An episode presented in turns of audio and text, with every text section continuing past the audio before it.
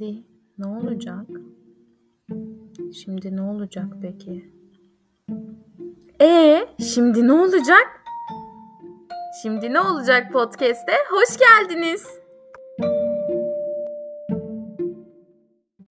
Merhaba, ben Saliha. Aranızda büyük şehirlerde yaşayan yaşayanlarınız varsa ben İstanbul'da yaşıyorum. Böyle işlek bir yerde uzun süre hareketsiz durduğunuz zaman ya anketörler gelir ya ben anketör değilim hayvanlara yardım için dergi satıyorumcular belirir ya da nispeten yaşlı insanların sohbet etmeleri için bir aday yolu verirsiniz.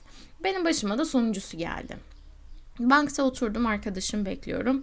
Bir anda bir teyze geldi işte çok yoruldum yavrum bilmem ne dedi. Sonra konuşmaya başladım. Bizim memleketin has bir sorusu var. Hemşerim memleket nere? Tabii bu biraz ironi barındırıyor ama bu memalde bir soru sordu teyze bana. Dedi ki işte yavrum nerelisin, memleketin nere falan. Bana da bu soru sorulunca ben böyle kitlenip kalıyorum. Sebebi de şu. Benim doğup büyüdüğüm sabit bir yer yok. İşte annem başka bir yerli, babam başka bir yerli. Babamın da doğup büyüdüğü sabit bir yer yok. Ve hani böyle nüfusta bir yer yazıyor ama hani bunu mu söylesem diye çok düşündüğüm bir zaman dilimi vardı. Ben de bu soru sorulduğu zaman hep kitleniyorum. O yüzden her seferinde başka bir il söylüyordum. En son aldığım karar neticesinde kimlikte yazan işte küçük kısmını söyleyeceğimde karar kıldım. Biz de doğuluyuz.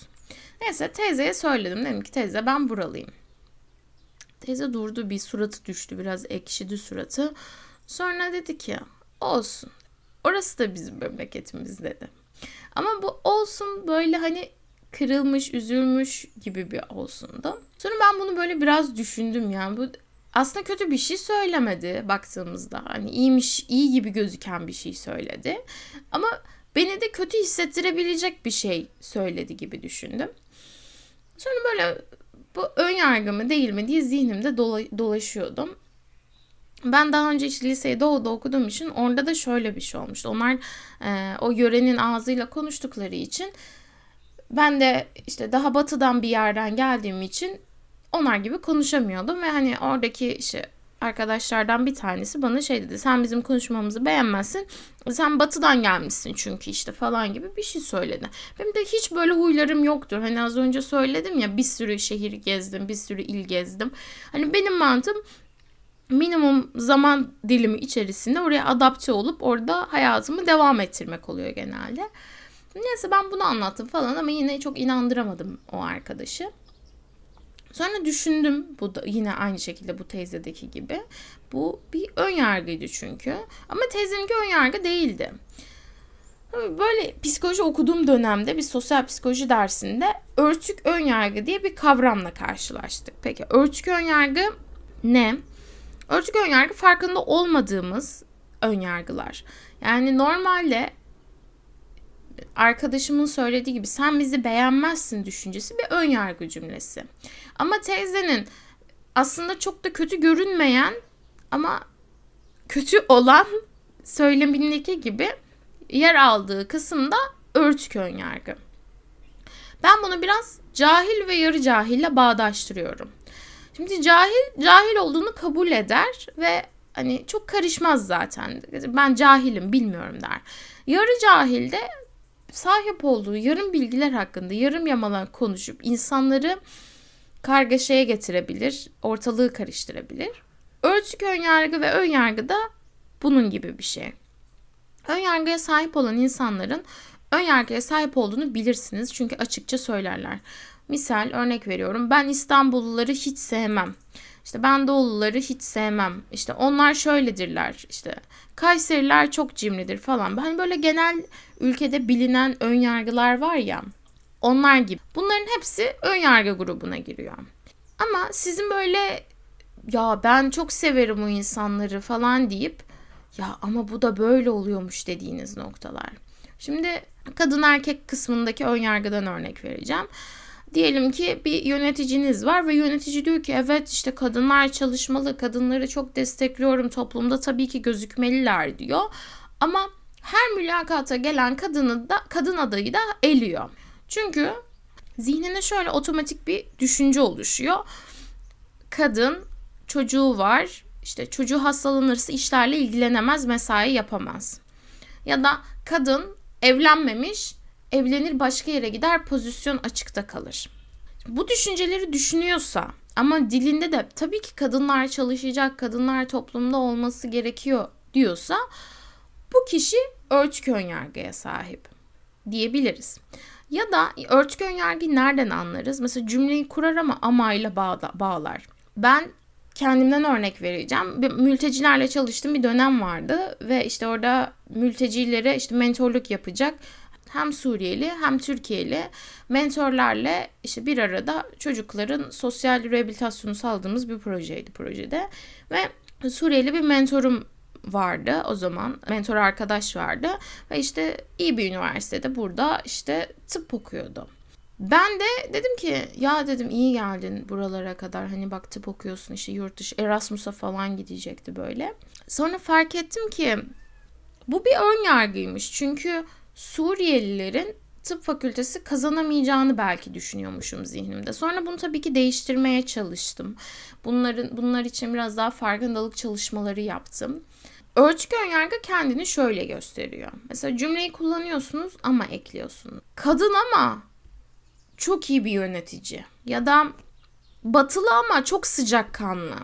Kayserili ama işte çok bonkör falan. Aslında oradaki amalar bizim sahip olduğumuz örtük önyargıları gösteriyor. Tabii bunun daha bilimsel ve ölçülebilir kısımları da var. Harvard Üniversitesi'nin Implicit Association Test diye bir testi var. Bu örtük önyargıları seçtiğinize dair. Teste tıkladığınız zaman, bu arada test İngilizce. Teste tıkladığınız zaman size bazı sorular soruyor. İşte hangi ülkeden geldiniz, hangi dine inanıyorsunuz, hangi siyasi görüşü benimsiyorsunuz falan. Sonrasında size bir test sunuyor. Benim yaptığım test Yahudiler ve Hristiyanlarla ilgili bir testti ve sonrasında da raporu sunuyor. Testin nasıl işlediğini anlatmayacağım. Belki aranızda cevaplamak isteyenler olabilir. Testin sonuçlarını manipüle etmemek adına söylemeyeceğim. Türkiye'de Türkçe'de yapan bir e, sistem var mı bunda? Çok emin değilim. Bakmak lazım güvenlilik ve geçerlilik durumlarına. Ona göre doldurabilirsiniz o tarafı. Bugün örtük önyargıya değinmemin sebebi de şuydu. Şu son zamanlarda kapsayıcılık ve çeşitlilik konuları şirketlerin böyle benim de LinkedIn'den ya da işte sosyal medyadan gördüğüm kısımlardan bir tanesi. Ve çeşitliliği, kapsayıcılığı göstermek için giyim markaları mesela Asyalı mankenler kullanıyor, siyahi mankenler kullanıyor ve diyor ki biz çeşitliliği destekliyoruz. Ama hikaye daha derinde, daha içsel bir yerde duruyor. Bu kişiler acaba kendi şirketlerinde çalıştıkları dönem boyunca hangi örtük önyargılara sahipler ya da hangi adayları eliyorlar? Ya benim gördüğüm şu vardı. Bence bu bu da bir önyargı. Kurumsalın hedef kitlesi olan top 6 üniversite vardır. Belki işte orada İK'da çalışanlarınız varsa bilir. O top 6 üniversiteden öğrenci alalım. Top 6 üniversite içerisinden öğrenci alalım diye. Ama işte Anadolu'dan X üniversitesinden bir öğrenci, intern vesaire gelince onu çok önceliklendirmezler. Aslında başta bahsettiğim doğulu olma ya da Anadolu'da okuma hikayesi biraz buradan başlıyor. Yani biz oradaki çocukları istihdam etmediğimiz sürece oradaki üniversitelerde kendilerini geliştiremeyecekler ve dışlanan bir grup olarak orada kalacaklar. Şunu anlatmaya çalışıyorum. Tabii ki işte tabii ki çeşitli ırkların bulunduğu fotoğrafları çekip yine billboardlarımıza koyalım. Asyalı siyahi. Buna hiçbir sözüm yok. Ama bizim diversity dediğimiz yani bizim bu çeşitlilik dediğimiz kavram bizim ülkede nasıl işliyor ona bakmak gerekiyor. Suriyeli bir çalışanı sen iş yerinde istihdam eder miydin? Mesela ya da işte X üniversitesinde doğuda okumuş birisini istihdam eder miydin mesela?